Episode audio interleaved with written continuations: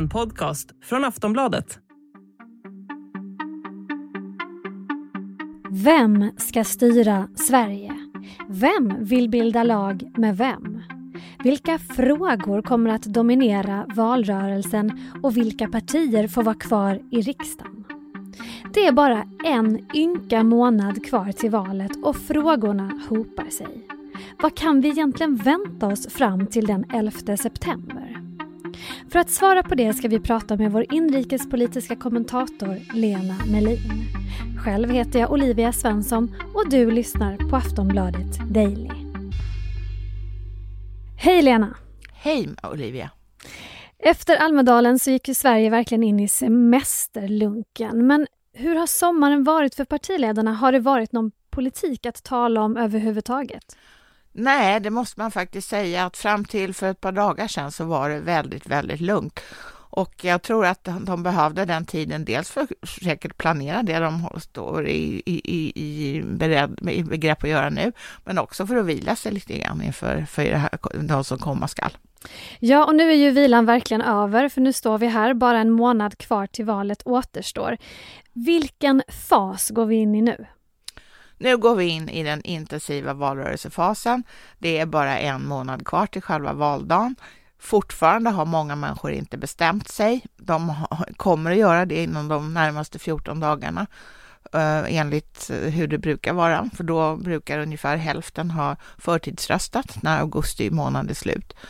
Uh, och resten av, av tiden då, de elva dagarna som återstår fram till valdagen från, från, från den tidpunkten, då kommer man att slåss om de rörliga väljarna. Ja, kampen är igång och i den senaste mätningen från Aftonbladet Demoskop så hade den blåa sidan övertag, alltså L, KD, M och SD har då underlag för en majoritetsregering i den här mätningen. Vad tror du ligger bakom de här siffrorna? Ja, det är lite svårt att förstå det faktiskt. Eh, men det man skulle kunna säga att det är det enkla svaret är att det går lite sämre för Socialdemokraterna än det har gjort tidigare och det ger den eh, blå högeroppositionen en, en, ett övertag. Eh, det är nog den viktigaste förklaringen. Mm. Vi kommer att återkomma just till Socialdemokraterna, men om vi talar om medvind först. Vem har mest medvind bland partierna just nu?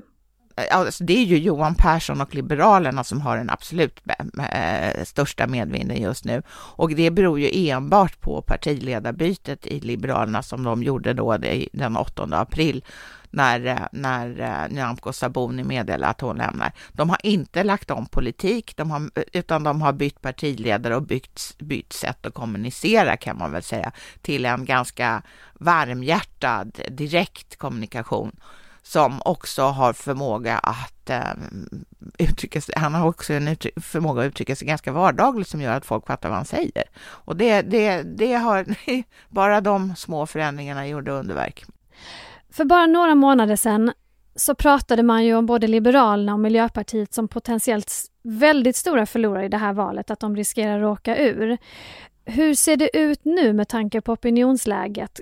Vi förstår ju att det går bättre för L, men hur ser det ut för Miljöpartiet? Det går också bättre för Miljöpartiet och eh, det tror jag att man i hög grad kan förklara med, att, eh, med någon typ av taktikröstning eh, bland väljarna som svarar på, på frågor i väljarbarometrarna om hur, hur de tänker rösta. Och då tror jag att de tänker att, vi, vi, att man vill ha kvar Miljöpartiet som en, som en röst i klimatfrågan, men också att man vill stärka så att säga vänsteralternativet i regeringsfrågan. Aftonbladet Daily är strax tillbaka.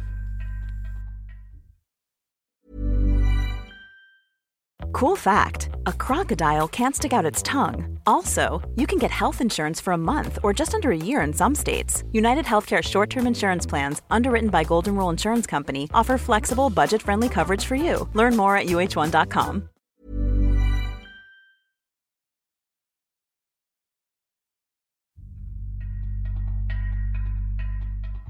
Nu ska vi prata lite motvind. För femte månaden i rad tappar Socialdemokraterna väljare.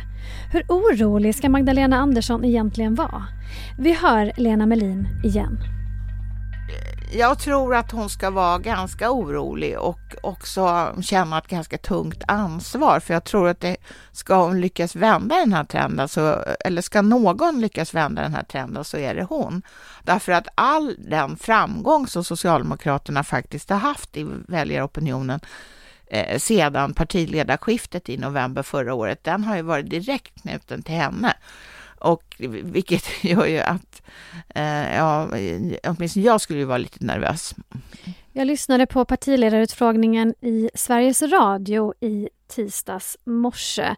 Och då undrar jag, tycker du att hon lämnade klara och raka besked och den typen av klara och raka besked som man måste göra när man är en statsministerkandidat och en nuvarande statsminister förstås? Jag tyckte inte att hon gav klara och raka besked och jag förstår också att hon inte gjorde det. Men eh, därför att hon vill inte binda sig för Alltså hon fick ju frågor av den här typen, kan du garantera att du under de närmaste fyra åren inte kommer göra det här eller det här? Och det är klart att det kan ingen människa svara på. Om vi tänker på, tillbaka på hur det var för fyra år sedan, så var det före pandemin, det var före kriget i Ukraina, det var innan alliansen hade brutit samman. Eh, det var, Stefan Löfven var fortfarande statsminister. Alltså fyra år i politiken är extremt lång tid. Däremot så tycker jag att hon skulle ha tagit chansen att tala om hur hon önskar, hur hennes önskelista ser ut. Det här, om jag fick bestämma helt och fullt själv och inte eh, var tvungen att kompromissa med andra partier och mm, verkligheten inte lägger hinder i vägen, så skulle jag vilja att det var så här. Det måste man ändå kunna göra som partiledare. Och om vi då talar om den andra statsministerkandidaten Ulf Kristersson som också frågades ut i Sveriges Radio i veckan. Hur tydlig och konkret och eh, liksom eh, beskedsvillig är han? Eh, nej, men han gav ju inte heller särskilt klara besked, eh, men han har ju en fördel framför Magdalena Andersson och det är att han åtminstone kan presentera ett embryo till, till ett regeringsunderlag. Han, eh, han och Ebba Busch är överens om att Moderaterna och Kristdemokraterna ska bilda regering tillsammans under förutsättning att det finns möjlighet att göra det. Och där har väl inte Magdalena Andersson kommit egentligen längre med att kunna presentera sin regeringsbildning för väljarna? Nej, alltså hon ger ingen besked alls utom att eh, Socialdemokraterna går till val på, på, för egen maskin så att säga, utan eh, allianser med något annat parti. Och det gör ju inte Kristdemokraterna och, och, och, Moderaterna, alltså de gör ju precis samma sak på, på, sin kant, men har ändå lyckats ge, ger ändå det här beskedet. Ja, vi minns ju vad som hände efter förra valet. Det var ju en eh, höst med nattmanglingar och talmansrundor. Hur jämnt tror du att det kommer bli det här valet och är det samma scenario vi har framför oss tror du? Jag tror att valet kommer att bli jämnt, därför svenska val är nästan alltid väldigt jämna. Så det kommer att hänga på ett ganska litet antal röster. Men vilken sida som så att säga till slut går vinnande ur striden är ju för tidigt att, att sia om. Jag tror inte att regeringsbildningen kommer att ta lika lång tid som eh, 2018 och 2019 då det tog 134 dagar eller drygt fyra månader. Men vågar du sätta pengar på det? Eh, ja, det skulle jag nästan våga, men jag tror att det kommer ta lång tid, men inte så lång tid. Och det baserar jag på att det som var mest besvärligt under hösten 2018, det var för Alliansen att fatta att alliansbygget var dött. De, det låg i ruiner efter det hade visat sig på att, de, att de fyra ingående partierna hade helt olika syn på eh, samarbetet med Sverigedemokraterna. Just det. Och om vi då fokuserar på de som faktiskt ska fälla avgörandet, alltså väljarna. Vilken är den största frågan just nu för dem och nu in, inför liksom eh, den 11 september? Ja, den viktigaste valfrågan för, för väljarna har ju under lång tid varit lag och ordning. Jag har dock lite svårt faktiskt att tro att den kommer att vara spela så avgörande roll under de här sista skälvande veckorna som återstår till valdagen. Och det beror på att partierna har ju sedan länge presenterat sin politik på, på det här området och därför så är inte de så himla sugna på att prata om det här. Um, och jag tror också att vi kommer att pratar ganska mycket om någonting som inte står på väljarnas dagordning, nämligen vilka regeringsalternativ som finns, hur de ser ut och om hur pass eh, eh, plausibla de är och så vidare. Men och sen kan, brukar det alltid dyka upp någon fråga på slutet som man inte har eh, kunnat föreställa sig. Nej, om vi säger det här med slutet då, alltså hur viktiga är de här sista veckorna för partierna och partiledarna? Det kan ju hända saker som avgör i sista sekund. Det har vi varit med om tidigare, att det blir någon fråga eller det blir någon händelse eller incident som faktiskt rör om lite grann. Alltså, hur mycket har väljarna redan bestämt sig eller finns det liksom så att säga chanser, möjligheter och risker kvar? Många har ju redan bestämt sig. De flesta, sju av tio, röstar ju på samma parti mm, som de gjorde i förra valet. Men det betyder inte att alla har bestämt sig redan nu, utan som, som jag sa förut så hälften brukar ha förtidsröstat när augusti månad är slut. Den andra hälften har då alltså inte röstat utan fortfarande går att påverka. Och av, av dem så är det ju ungefär 30 procent som säger att de beslutar sig under sista veckan och vissa till och med när de står i valbåset. Mm, men det betyder inte heller att de behöver byta parti eller byta eh, så att säga block, utan det, det, kan ju bli precis som förra gången, men de har fortfarande påverkningsbara efter, efter så att säga avlagt sin förtidsröst. Eller för den delen så kan man ju rösta om på själva valdagen, för det är den rösten som, väl, som gäller om man nu har förtidsröstat och kommit på att man, att man vill ändra sig. Mm.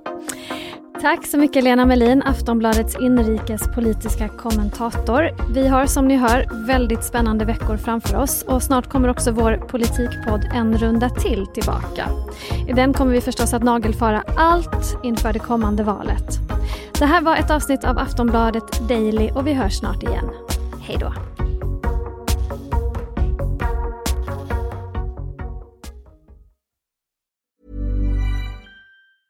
Quality sleep is essential for boosting energy, recovery, and well-being. So, take your sleep to the next level with Sleep Number. With a Sleep Number smart bed, you can individualize your comfort level and enjoy a better sleep night after night. JD Power ranks Sleep Number number 1 in customer satisfaction with mattresses purchased in-store. And now the Queen Sleep Number C4 smart bed is only $1,599, a saving of $300 only for a limited time.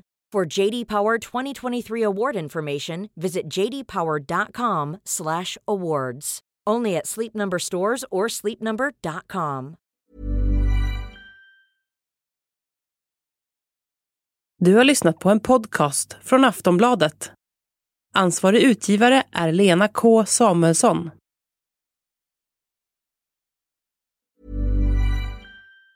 Tired of ads barging into your favorite news podcasts? Good news. Ad-free listening is available on Amazon Music for all the music plus top podcasts included with your Prime membership.